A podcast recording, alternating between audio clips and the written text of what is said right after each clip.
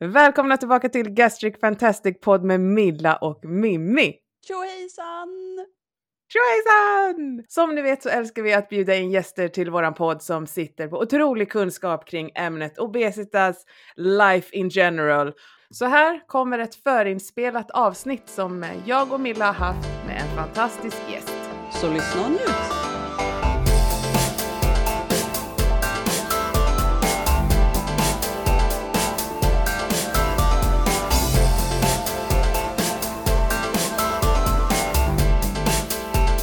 Välkommen till oss Ingrid! Tack så mycket. Vad kul, Vad att, kul du ville... att du ville vara med. Ja visst, Kör. säger vi i kör liksom. Ja. Tack för inbjudan. Ja, det är jättekul. Men kan inte du eh, berätta lite om vem du är och, och vad du jobbar med och, och, och lite så? Mm. Jag heter Ingrid Larsson. Jag är näringsfysiolog utbildad vid universitetet i Oslo, Norge och även i Göteborg. Eh, och jag är också docent i experimentell klinisk nutrition vid Sahlgrenska akademin Göteborgs universitet. Eh, jag jobbar på Sahlgrenska universitetssjukhuset där jag har min eh, tjänst och jag arbetar kliniskt vid specialistenheten för behandling av vuxna med svår obesitas eh, vid regionalt obesitascentrum i, som är då placerad på eh, Sahlgrenska universitetssjukhuset.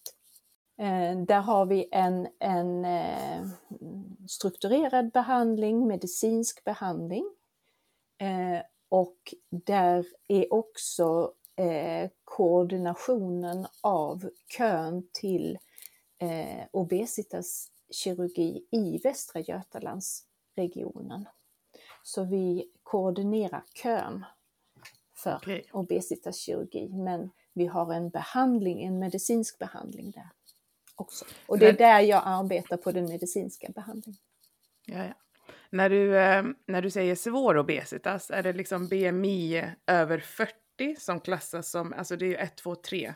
Mhm. Är det över 40 då eller är det över 45 Nej. till och med? Eller? Eh, svår obesitas eh, har eh, är två definitioner. Eh, det är eh, BMI 35 och däröver med samsjuklighet eller BMI 40. Och eh, vid eh, Regionalt obesitascentrum så tar vi emot patienter i behandling från BMI 35. Och så eh, från 18 år. Från 18 år, okej.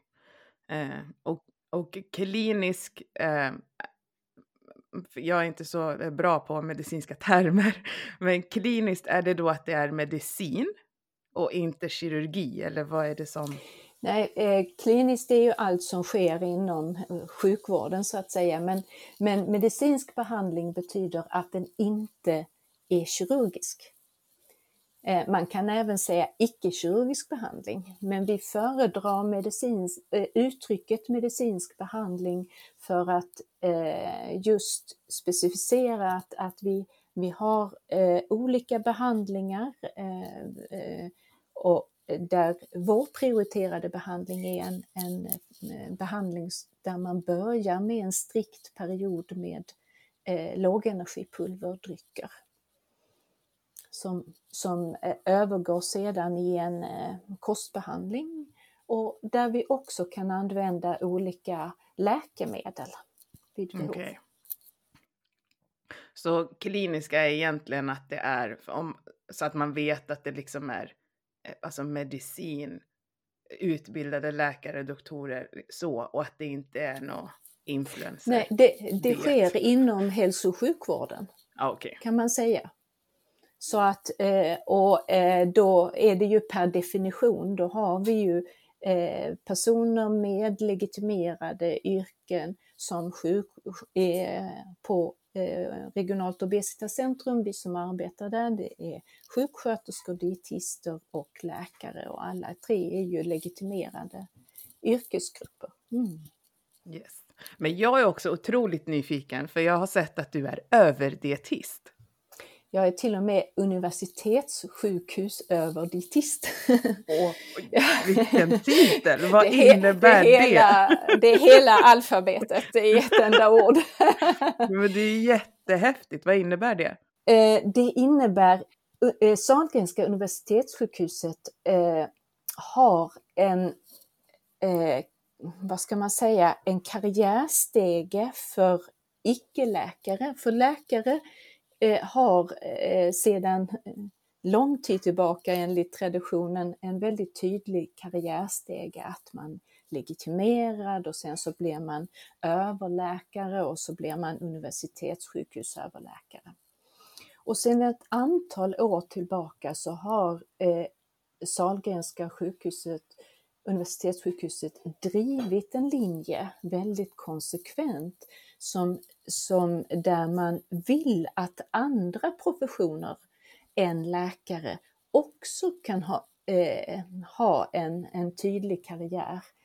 Och eh, så att det är sjuksköterskor, det är dietister, det är fysioterapeuter, biomedicinska analytiker, eh, arbetsterapeuter och eh, nu är det en, en grupp som jag, en yrkesgrupp som jag har glömt naturligtvis, men, men låt vara. Så eh, då är det så att man, när man har disputerat så kan man ansöka om att bli överprofession.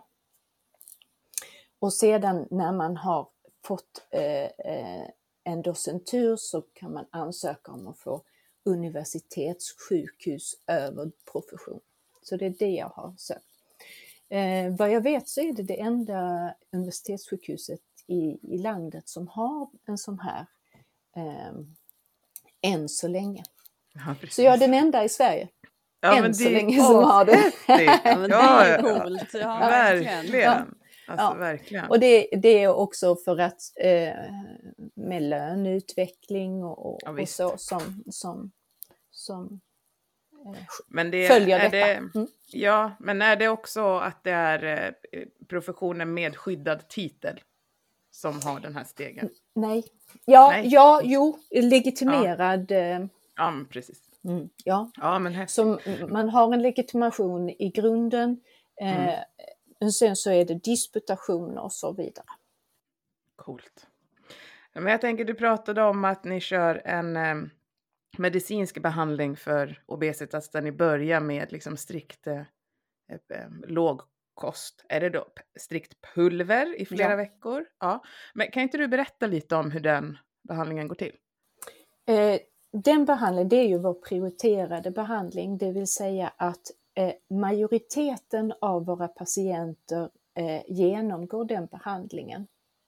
Och det är ungefär 85 procent av våra patienter eh, genomgår en, det vi kallar för pulverbehandling. Och då börjar man eh, med en strikt period om 12, 16 eller 20 veckor med enbart lågenergipulverdrycker varje dag. Ingenting annat. Naturligtvis kalorifria drycker i tillägg, men eh, man, det är det enda eh, intaget. Och den perioden den sköts av våra sjuksköterskor som följer upp hur, eh, viktutveckling, hur man mår, eh, så att eh, patienterna mår eh, väl under tiden. Och i och med att vi har våra patienter har i genomsnitt ett genomsnitts-BMI på 42 när de kommer till oss. Och det innebär att majoriteten av våra patienter har också en annan sjukdom som man har mediciner för. Och de eh, sjukdomarna, och det eh, vanligaste, samsjukligheten, eh, är eh, högt blodtryck och då har man ju mediciner. Och när man minskar i vikt så sker det stora förändringar, inte minst i blodtryck. Och sen så kan det ju vara diabetes, då, eh, diabetesmedicineringar, så tabletter, insulin och så vidare. Det måste justeras så att man verkligen mår bra. Och då, har, eh, då finns det läkare eh, i bakgrunden som, som ehm, justerar, hjälper till med justering av, av medicin, mediciner. så att eh, med viktminskningen. Så det är den strikta perioden och sedan så tar vi dietister över när, det, när det är dags att börja introducera vanliga, vanlig mat och måltider igen. Och den här första perioden, eh, eh, det, den har vi för att få till en stor omfattande viktminskning i början av eh, behandlingen. Och det vet vi från, från forskningen och vetenskap, annan forskning, e-, egen forskning, att kan man få till en stor omfattande viktminskning i början av sin behandling så är det lättare att bibehålla en lägre viktminskning över lång tid. Och det beror på att när man får till en, en stor omfattande viktminskning så är man beredd på att göra större förändringar av sina vanor för att bibehålla den viktminskningen. Så Lite som mindset eh, mm. påverkat. Ja. ja, kan man säga. Men hur funkar just, den, eh, ja, den biologiska aspekten där? Att man ofta blir, eh, kan bli väldigt mycket mer hungrig. Alltså just att grelin upp ämnesomsättningen kan ju skifta och man kan bli otroligt hungrig när det blir en mm. sån.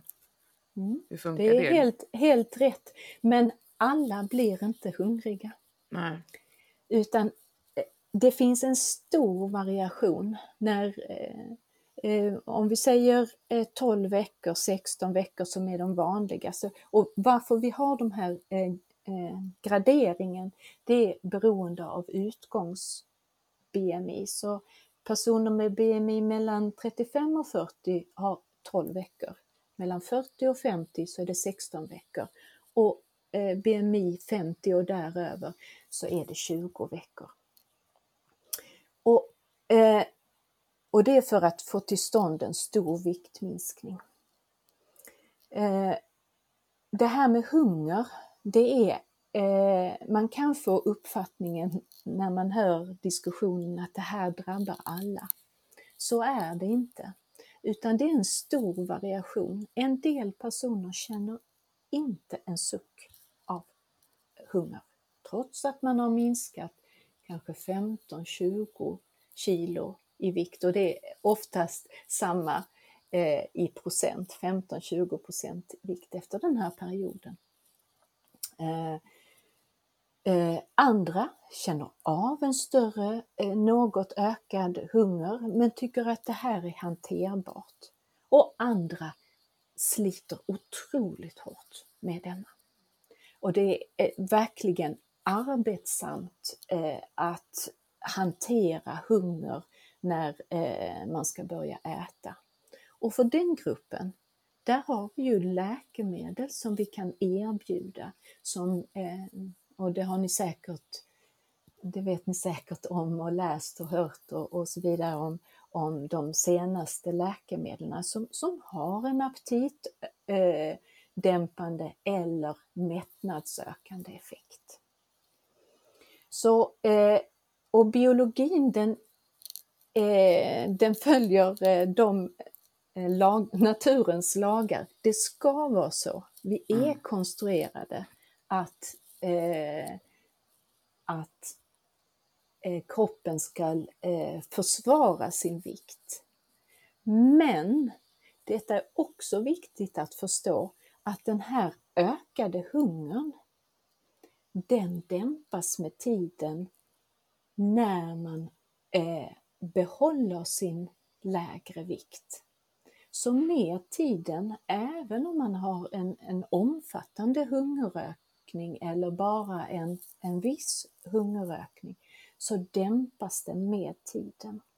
Och med tiden, det är, mm, hur, hur långt är den? Ja, man kan säga mellan sex månader och två år.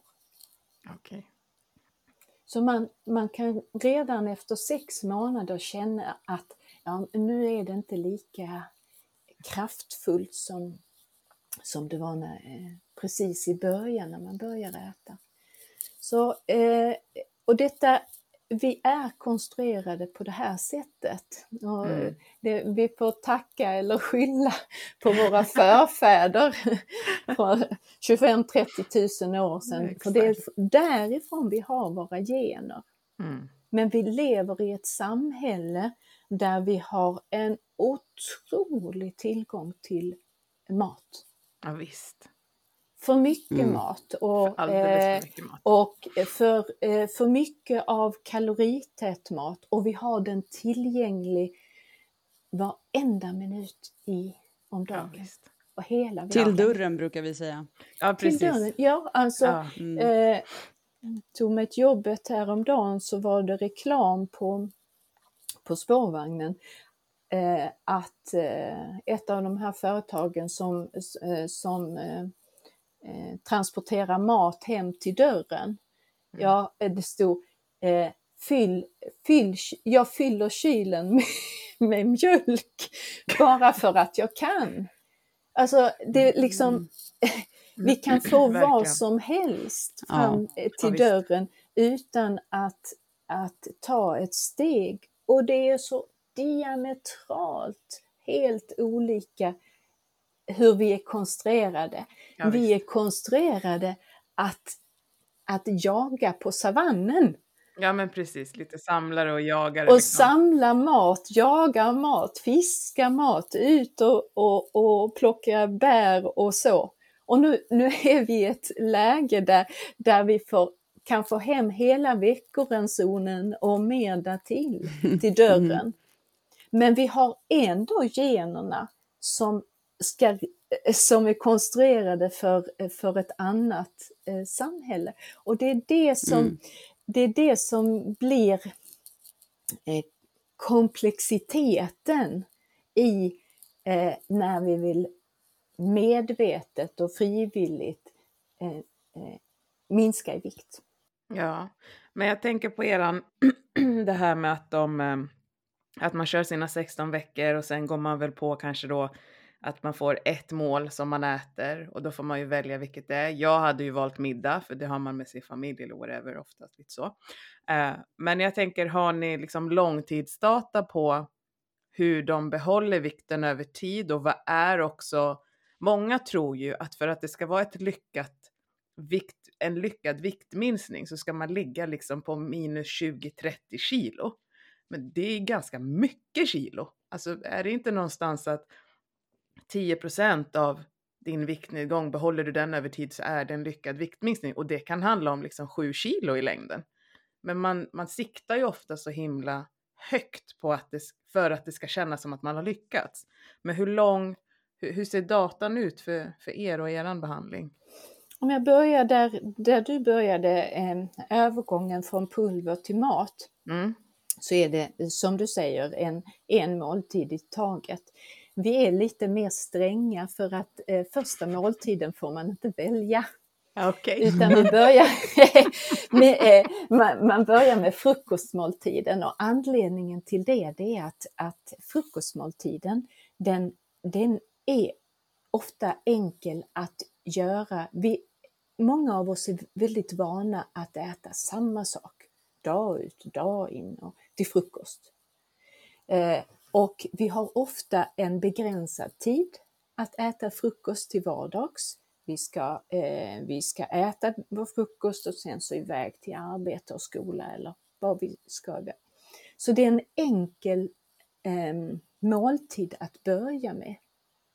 Dessutom så är det en måltid som, som många av våra patienter eh, inte är vana att äta på regelbunden bas tidigare.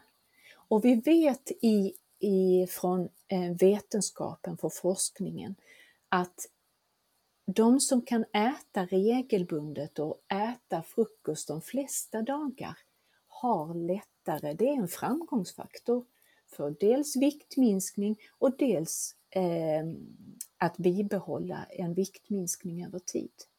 Och anledningen till just det här med frukosten, det är att, att den är, eh, är en framgångsfaktor. Det är att eh, personer som äter frukost, de planerar sin dag planerar sina måltider i större utsträckning, har mat hemma i kylen eh, som man kan fixa med frukost, har lättare också att planera resten av dagens måltider. Och sen så är det lättare att kontrollera eh, sitt energiintag resten av dagen. Så, men måltid nummer två, den får man bestämma och det är helt eh, rätt som du säger. De flesta eh, eh vill gärna äta middag eh, med, med familj och vänner och så. Och då får man bestämma. Ja, det var ju bra. Ja, det var bra. Men det jag tänker då med middagen sen när ni lägger upp, är det ganska strikt på också vad den middagen, om man väljer det, ska innehålla och mängd och vad och, och så mm. med, med varor, var, varon? Vad eh, det är en eh, individualisering utifrån eh, den enskilde patientens preferenser. Men hur mycket, den, den bestäms ju av den aktuella kroppsvikten. Så när patienten börjar, ska göra sin övergång från enbart pulver till eh, måltider så beräknar vi energibehovet för antingen fortsatt viktminskning, om det är det som patienten önskar, eller att bibehålla den viktminskningen som har uppstått under pulverperiod. Och då tar vi hänsyn till, eh, då tar man hänsyn till eh, kön, ålder och aktuell eh, vikt. Även längd. Längden har, har minst betydelse, men de här tre faktorerna, kön, ålder och vikt, det är de främsta bestämmande faktorerna för kaloribehovet. Och då får patienten ett kostråd. Där finns det tre måltider, eventuellt mellanmål. Eh, men där är det också mängdbestämda eh, komponenter. Men vilka maträtter man äter, vilka eh, ja, fisk och kött eller vegetariskt eller så. Det eh, individualiserar vi utifrån preferenser och, och, och matkultur och, och så. Utbildar ni patienterna lite också i hur man kan liksom väga och mäta och räkna? Absolut. Så att de kan få ett sådant verktyg med sig hem och förstå liksom det, är ju, det ingår ju i, nu har vi ju individuella samtal, vi har inga grupp, eh, grupper eller gruppbehandling eller eh, specifika utbildningstillfälle. Men det sker hela tiden i, i, i samtalet och då blir det ju en individualisering av verktygen också. Så att vi hittar hittar de verktygen som, som den enskilda patienten har nytta av i sin vardag. För det är just det att man hittar sitt sätt att, att äta, eh, att fördela sina måltider, fysisk aktivitet och så, så att det funkar i vardagen. Det är det som är nyckeln till, till långsiktig framgång. Och då har vi, eh, och då åter till vetenskapen och forskningen, vad är det som vi har belägg för? Jo, det är precis som du säger, att väga, mäta, räkna kalorier. Jag vet att det diskuteras att man inte ska räkna kalorier, men det är en av de eh, verktyg som en del gynnas väldigt väl av. Eh, väga sig själv regelbundet kanske skriva matdagbok eh, eller använda appar där man eh, lägger in det här har jag ätit och så håller appen reda på så här mycket, många kalorier har du ätit idag, du har det här kvar av din budget så att säga. Fysisk aktivitet, att, eh, eh att registrera det. För då tänker jag lite så här med ni har ju de här medicinska behandlingarna då och då finns det ju siffror på så här 8 av 10 misslyckas med att behålla viktminskningen, över 56 år. Stämmer det eller har ni data på hur det ser ut efter eran behandling? och i viktminskningsförsök i allmänhet. De, de siffrorna är väl generella, det är inte bara på... Ja, liksom, ja det är generellt. Ja, okay. ja det är mm. bara sånt man mm. brukar få höra. Att försöker du gå ner i vikt så misslyckas mm. du över sådana här ja, Det är bra att ni tar upp det och det är ju självklart att vi ska diskutera det. Jag skulle vilja säga att de siffrorna, de är gamla. Det är, Okej. De eh, gällde för kanske 20 år sedan. Men under de senaste eh, två decennierna så har det kommit mer och mer eh, data och framförallt längre och längre uppföljningar.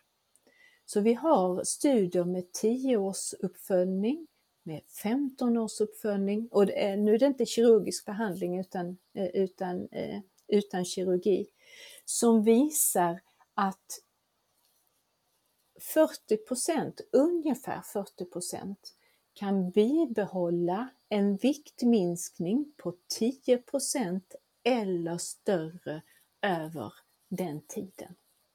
Så Eh, 40 procent, och det har vi också för, från egna studier, så, eh, men de är inte 10 år, de är två år, så är det 40 procent ungefär som bibehåller en viktminskning på 10 procent eller mer. Så det är helt riktigt det du eh, sa Minni från början att 10 procent det är 10 viktminskning eller högre som kan bibehållas över minst 12 månader. Det är en vanlig definition på en framgångsrik viktminskning. Mm. För det, man, det som jag tror att många glömmer bort i det där är ju att med de här 10 procenten så kan du få väsentligt, liksom, du kan få så mycket hälsofördelar med de kilorna. Men någonstans så är ju samhället format på något vis att om du inte har ett sexpack så är det inte en lyckad viktnedgång och det är så fel. Mm. Eller kommer du inte i jeansen som du hade innan första barnet så är det inte lyckat. Men det är ju, det är ju hälsoeffekterna vi är ute efter, inte storleken på kläderna. Precis, och det, det är väldigt bra att du tar, om, du tar upp detta. Därför inom hälso och sjukvården så är det just det primära målet för behandling. Det är hälsoeffekterna. Det är inte utseendet. Självklart kommer det ju med. Och, Ja, jo, jo. och eh, det, det, det kommer liksom med effekten, så det är ingenting vi kan separera. Men, men för ur hälso och sjukvårdens synvinkel så är det effekten på hälsa. Och det det, det handlar om det är att vi reducerar riskmarkörer, alltså vi sänker blodtryck, blodsocker, eh, insulinnivåer, blodfetter. För det- det vi vet är att om vi kan sänka dem så minskar risken på sikt att få de obesitasrelaterade vanliga sjukdomarna. Och på lång sikt så handlar det ju också att minska risken för förtida död. Men om jag ska komplicera det här Ja, gör det gärna. ytterligare, så, om man, eh, eh, så är det väldigt svårt för en enskild patient att ha eh, det som motivator. Att, eh, att jag, och, och det är ett vanligt svar när jag frågar och mina kollegor frågar vad är, vad är anledningen till att du vill minska i vikt? Eh, att genomgå en sån här behandling, göra alla de här ändringarna av eh, vanorna, så säger patienten, ja, jag vill inte bli sjuk, jag vill ha eh, lägre blodtryck eller, och så vidare.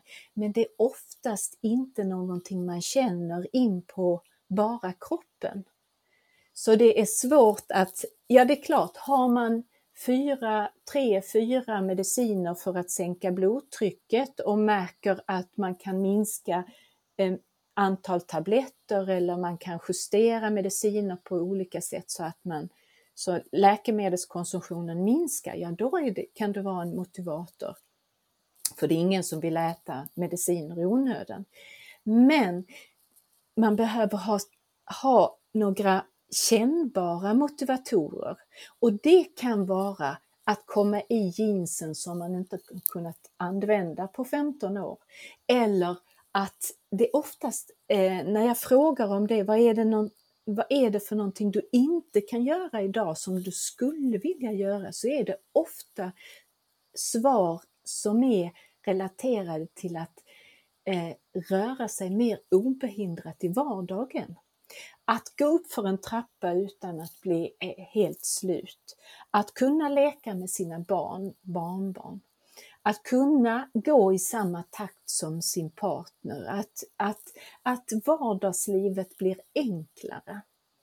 Men också, och jag, eh, eh det är helt okej okay att ha eh, har även utseendemässiga, och det, det oftast handlar om kläder, att man har flera storlekar i garderoben, att kunna eh, ta fram kläder. Ja, men nu kan jag faktiskt ha de här byxorna eller den här klänningen eller så.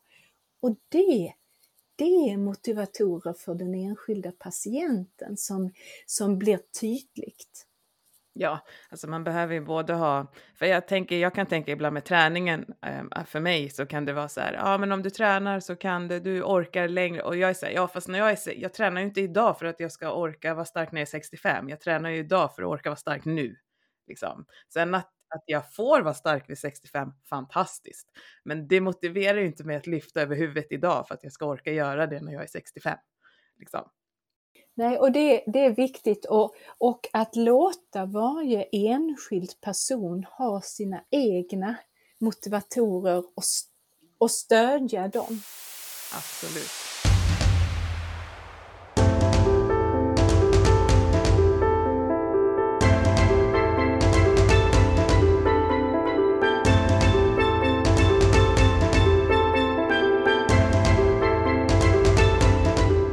Här, jag tänker med, man pratar ju om jojo-bantning och viktminskningsförsök och sen är det upp och ner, upp och ner, upp och ner, upp och ner. Och, till, och sen så pratar man ju ibland också eh, om att det går ner, kroppen försvarar sig, då de som blir väldigt hungriga kanske lyder impulserna, äter, överäter, går upp och går upp lite till. Eh, och jag tänker någonstans, nu blir det väldigt många frågor i en och samma, men eh, setpoint är ju ofta inom parentes lättare att pusha upp än att få stabila hålla sig på en ny eh, nivå. hormonellt, som jag har förstått det, så behöver man en hormonell hjälp för setpoint. Eh, men hur, hur är det med, vet du hur det är med viktminskningsförsök om man inte gör det hos er? Alltså finns det här att jojobantning resulterar i ofta högre vikt än när du startade? Eller är det också gammalt? Det är, också, det är en väldigt bra fråga. Och, eh, om vi börjar med jojobantning. Mm. Eh, ofta så, så kommer eh, frågor om är det farligt eller till och med påstående att det är farligt. Nej, det är det inte utan eh, det är också eh, relaterat till våra förfäder som levde under eh, eh, sannolikt, vi, vi, vet egentligen ingenting om 25 till 30 000, men vi antar att eh, eh, tillgången till mat varierade väldigt mycket under året. Man hade god tillgång vissa och sen så var det väldigt snålt andra Eh, delar av året. Och då levde man ju på det man hade eh, satt i sig. Så att säga, man gick upp i vikt när man hade god tillgång till, eh, till mat och sen så gick man ner i vikt när man hade liten tillgång till mat. Och så fortsatte så här. Och vi är ju barn av våra förfäder. Så vi har en väldigt bra kapacitet att variera i vikt utan att det ska få hälsomässiga konsekvenser. Däremot så är det sannolikt, eller det är psykologiskt slitsamt att variera så mycket i vikt. När syftet är, om jag har ett syfte att minska i vikt och jag märker att jag minskar och sen så eh, ökar vikten igen, så är det ju mentalt slitsamt att vara i en sådan situation. Och det är ju inte konstigt att man, trött, att man blir trött på eh, ett sådan, en sådan situation. Går man upp mer i vikt än när man eh, började? Nej, i genomsnitt inte. Och så att när man har undersökt sådana personer så i genomsnitt så hamnar de 3-4 kilo under sin utgångsvikt. Och det innebär att man har fått, det har funnits några förändringar som man har kunnat bibehålla. Så att det där med att jag, jag, jag gick ner 10 kilo i vikt men jag gick upp 12 kilo. Det, det kanske gäller för vissa personer. Mm. Men i genomsnitt så hamnar man på, på gruppnivå 3-4 kilo under ursprungsvikten. Men det är inte via självskattningsstudier som det är, eller? Det, det, är ju då via självskattning, alltså. Och den här gruppen, det är ju en grupp som kanske inte väger sig regelbundet utan man har en, en mer en känsla av att nu, nu är faktiskt min vikt högre. Så att när man väger personerna och eh, vill höra eller Eh, följa över tid så är det eh, eh, mer en viktminskning. Och det är ju det är en viktig information därför att det innebär att även om man har ökat i vikt efter en initial viktminskning så har man gjort några förändringar som man har kunnat bibehålla som har lett till att man har hamnat 3-4 kilo under utgångsvikten. Jag tänker bara när det är självskattning, det finns ju ofta tendens att man säger att man är lite lättare än vad man är för att resultatet i sig ska se bättre ut och man kanske startar med att säga att man är lite tyngre än vad man är för att så att ja. Ja, och det, det man får väl dra full... ett, ett, snitt och streck i sanden. Och, ja, alltså. det är ju ett, eh, det är, jag tycker det är en, en, eh, en mänsklig sak att göra. Ja. Vi, när, och, och det gäller hela befolkningen.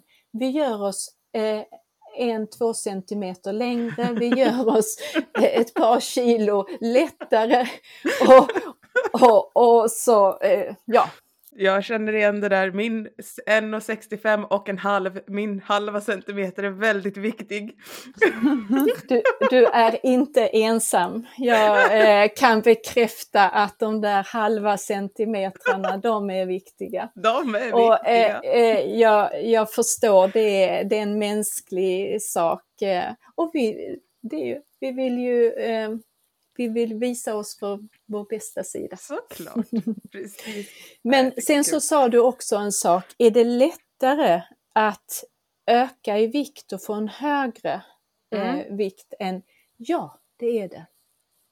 Så vår, vår kropp och, och aptit, mättnadshormonerna, hela aptit mättnadsregleringen, den är inställd på det att kroppen har lättare för att återta en viktminskning än att dämpa en viktökning.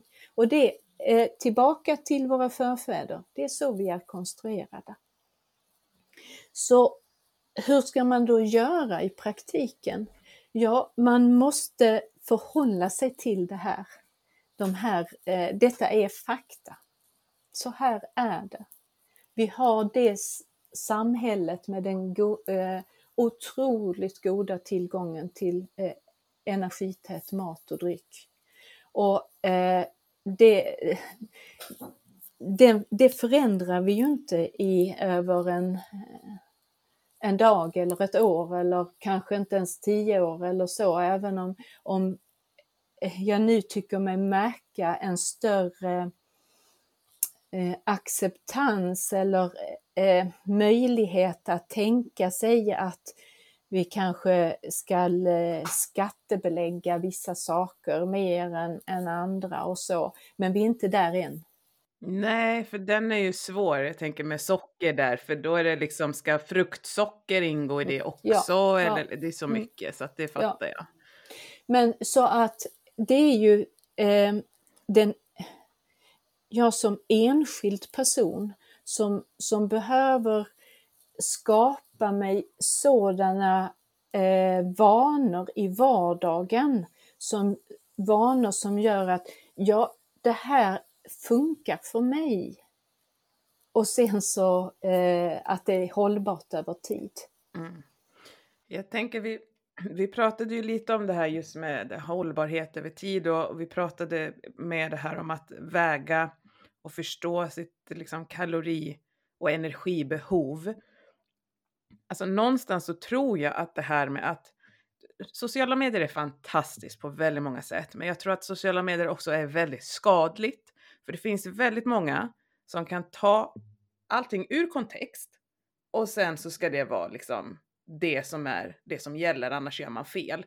Och jag tror någonstans att om vi lär oss vad vi har för energibehov och får bli mätta och belåtna på det, för du kan ju äta allt eh, så länge du håller dig inom ditt energibehov, men det är inte många som Alltså man får inte lära sig det här utan det du får lära dig är egentligen att donuts är farligt. Men jag och Milla pratade i ett annat avsnitt att en donut, glaserad donut, visst det, det, är en helt annan typ av näring men du kan ju få i dig samma energi om du äter en handfull med nötter. Men vad, blir du, vad, vad får du mest livskvalitet och nöjdhet av när du äter det? Så jag, det kan bli så fel ibland när man slår upp sociala medier och så säger de så här, frukt ska du inte äta för att det är farligt. Sallad är bara bukfylla. Nu, nu är det det för oss som är opererade, det finns bättre grejer att äta än sallad. Men, och sen liksom att nötter ska du inte äta, drick inte vatten för det innehåller det här och drick inte sockersötat läsk, gör inte det men, och energi, nej men du vet och, och cyklalos och allt är ju bara, vad ska man, till slut sitter man ju med luft bara. Du, det är en väldigt bra eh, sak du tar upp.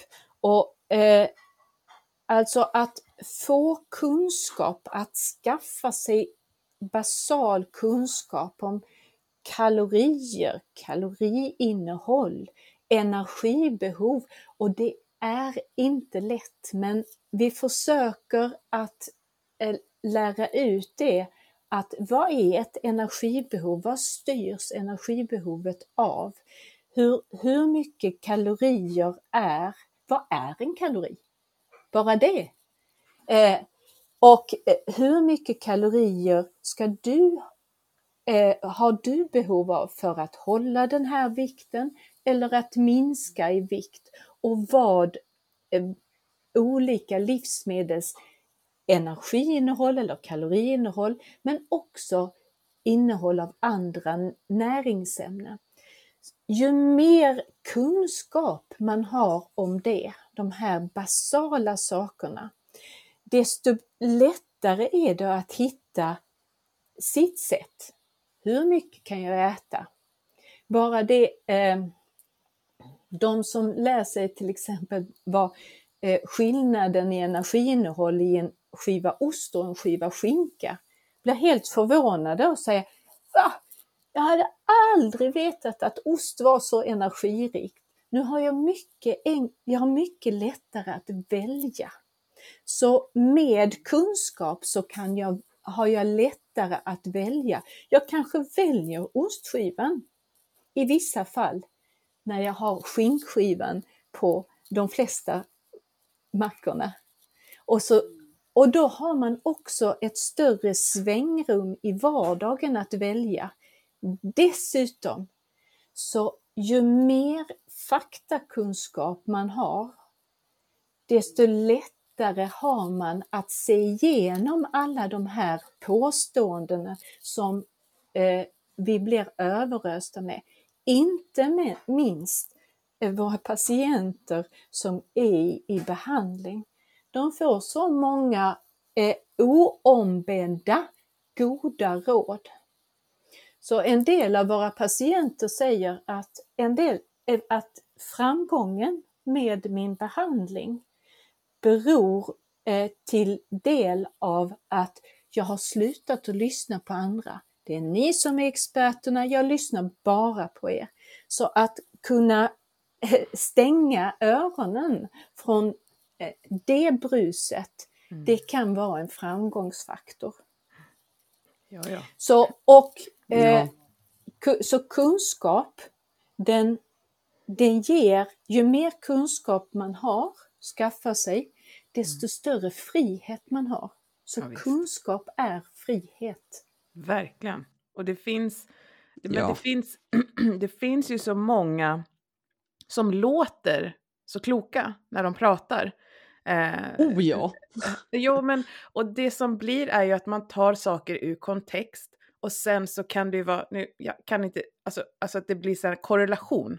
Att, att det, Samband. Ja, precis. För det, det, det var ju någon eh, grej som jag läste som jag tyckte var så himla rolig och det var att i sommaren så äter australienare mera glass. Och det är också till sommaren som fler blir attackerade av hajar. Men har de två sakerna något med varandra att göra egentligen då? Eller är det bara att man plockar Mhm. två grejer ur kontext som får ett samband? Och så brukar jag tänka med allt Mm. när folk pratar om att till exempel att periodisk fasta är det absolut bästa. Om du plockar ur det så är det egentligen att du har ett ätfönster och får i dig de kalorier du ska ha för att antingen behålla en vikt, ligga på ett kaloriunderskott, gå ner i vikt eller överäta och gå upp i vikt. Det har ju inte egentligen med metoden att göra. Så att, men det är ju jättesvårt om man inte är så pass typ manisk som jag kan vara ibland med att vilja lära mig. För då tror man ju att det är metoden som är guldet. Men det är ju inte det. Om jag får använda dig som ett exempel, så det Mm. du gör nu det är ju att du har tagit reda, eh, eh, du har skaffat dig så pass mycket kunskap så att du kan ifrågasätta. Och det är det som också, det är eh, med kunskapen så följer det också en naturlig sätt att ifrågasätta. Det där med glass och hajar, sambandet eh, kan ju vara att eh, när man äter glass på sommaren så är man mer på stranden. Precis. Och så, är, så badar man och så blir det fler hajattacker. Så att, eh, men om man inte eh, tränar sig i att resonera på det sättet så, så kan, okej, jag kanske ska sluta äta glass. Ja. Eh, eh, Eller för att, sluta. du- eh, ja, ja. Så, eh, eh, och det, med det resonemanget, det visar också vad, eh, vilken frihet kunskap har. Det är ju också friheten att kunna ifrågasätta. Och de här åsikterna som finns på sociala medier, de, eh, och särskilt eh, du Milla sa att det lät, låter ibland så övertygande. Och inte minst när någon säger ja, nu är det en ny studie som visar att, eller den här studien visar detta. Det är det vi i, i, ehm, inom eh, forskningen kallas för cherry picking. Alltså att man plockar studier som vars resultat bekräftar mina egna åsikter. Och så driver man det. Ur, ur ett vetenskapligt eh, eh, synvinkel så är en enskild studie inte så mycket värt. När det kommer en studie som eh, eh, kanske får en stor medial uppmärksamhet så brukar vi, säga, eh, brukar vi eh, ja vi läser alltid eh, inom vårt område, men vi ställer oss frågan hur eh, relaterar sig denna studiens resultat mot det vi vet från tidigare? Är det överensstämmande? Okej. Okay. Överensstämmer det inte? Vad beror det på? blir nästa fråga. Så att en enskild studie är sällan en viktig studie som enskild studie innan den sätts i kontext mot det vi vet från början. Och när det gäller rekommendationer och riktlinjer så gör man ofta Eh, systematiska litteraturgenomgångar, alltså man, man skannar över hela området och så analyserar man det på ett systematiskt sätt. Slutsatsen från de analyserna, det är de som ligger i grunden eh, för eh, rekommendationer och där är det inte enskilda studier. Nej. Men jag, många studier görs ju också, det här är bara jag som är nyfiken i en strut, för jag vet att många görs ju på liksom möss och råttor. Är de med deras metabolism väldigt lik, oj, väldigt lik människan? Eller varför, är det eller bara att det är lättare att göra det på dem? Eh, svaret är nej. Det är inte alls lik människa. Och det är ett, en väldigt bra synpunkt du tar upp för att överföringen eh, från djurstudier till människa Mm. är noll.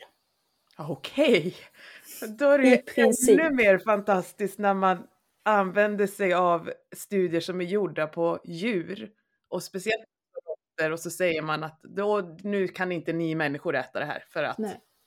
Däremot så är det otroligt viktigt med djurstudier.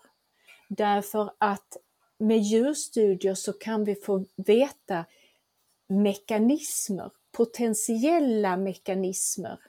Och vi kallar djurstudier ofta för hypotesgenererande. Det vill säga, det är lättare att göra studier på, på eh, mus och råtta och andra eh, vanliga eh, djurarter därför att de har en, eh, man kan få ut fler generationer på kortare tid och eh, tiden mellan födsel till vuxen är ju veckor. Det vill säga att man kan göra många studier. Och det är otroligt viktigt eh, med den typen av studier. Det är alltså alltid vi vet om människor har i, i börjat med djurstudier. Oftast har det börjat på laboratoriebänken men om vi har i, i, i, i djuren, om vi börjar med djurstudierna så är det det som är grunden till den mesta av den, den medicinska kunskapen. Så från djurstudier så kan vi bilda hypoteser, ja men det här kanske skulle vara så här på människor och så testar vi på människa. Men att ta resultat från en, en mus eller råttstudie och säga att så här är det på människa, det går inte. nej, Nej. där kan man skrota halva Instagram direkt Okej. när man vet det. Okej, jag har Ja. inte Instagram eller Nej. Facebook eller så, men, men eh, gärna för mig. Då, Ja. då blir det väldigt mycket utrymme för Ja, att ta in verkligen. riktig kunskap. Verkligen så. Verkligen så. Ja. Nej, det är, det är helt olika metabolism. Men man måste förstå varför de är viktiga. Mm. Ja men så är det. Alltså jag tycker studier och, och forskning är ju jätteintressant. Eh, men det har ju tagit mig ett antal år att förstå skillnaden på okej den här studien sa så här men då har de ju sammankopplat det med forskning och studier som finns över liksom 35 års tid. Och sen kommer det en studie som säger så här och den studien får då, eh, kan få att, att andra forskare och så ifrågasätter metoden och hur de har tagit fram det. Och då blir det att man följer upp tio år senare och då visar det sig att det som har sagts i 50 år, det stämmer ju fortfarande. Alltså det, så det, men det, det är ju, man behöver ju ha lite grann av intresse och inte söka den enklaste vägen och den snabbaste lösningen, för då är det helt plötsligt så att eh, frukt är farligt. Du säger, du säger någonting eh, väldigt viktigt här och som man missar. Det är ju att du säger eh, det har tagit mig mycket tid. Det, är, det här är tidskrävande att eh, skaffa sig kunskap eh, och, och så pass mycket kunskap så att man kan börja ifrågasätta. Men det är så väldigt väl investerad tid. För kunskap, jag, jag, nu eh, repeterar, upprepar jag mig själv, kunskap är frihet. Det är, vi vet att kunskap är makt, men kunskap är frihet också. Och eh, eh, ett exempel eh, eh, nämner ni båda, att tänk vilken frihet det är att eh, gå ut på sociala medier och säga det här och det här och det här, det är bara eh, rappakalja. För här, eh, detta, så här kan man inte säga. Och säga okej, okay, Men vad är det då som är kunskap? Jo, det är det här och det här och det här. Ofta så är det så att det vi visste för 20 år sedan, det håller idag också. Och en del saker har vi vetat i 100 år och det håller idag också.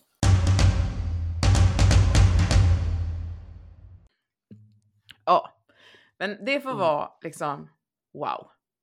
Wow! Alltså Wow. wow. Ingrid Larsson, vilken power woman. Enda Ja, ja.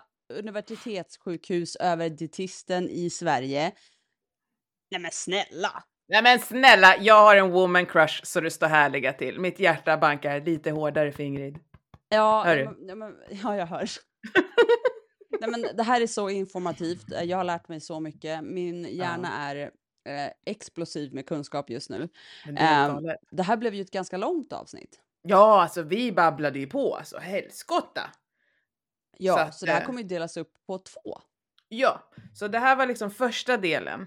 Eh, och så Yes. kommer det komma en del till för att jag vill inte klippa en sekund av vårt samtal. För det var ett så otroligt bra samtal. Ja, så att del två kommer komma nästa vecka. Jajamän, på onsdag som vanligt så kan ni lyssna på Gastric Fantastic. Så vi vill tacka för att ni har lyssnat ännu en onsdag. Jajamensan! Nej men alltså det är klart att det är så här, njut av avsnittet. Jag ska ut och plocka svamp. Ja, eh, det ska inte jag, men... Du eh, borde göra det. Nu... Mm, nej. Lär er, lär er något. Ja, Mm. och lyssna igen. Och sen så till nästa vecka så släpps det ett till, en andra del liksom. En andra del. Ingrid oh. Ja. 2.0. Verkligen. Ja, men vi hörs eh, nästa onsdag då. det gör vi. Tack, tack. Ha det Ha det bra. Hej!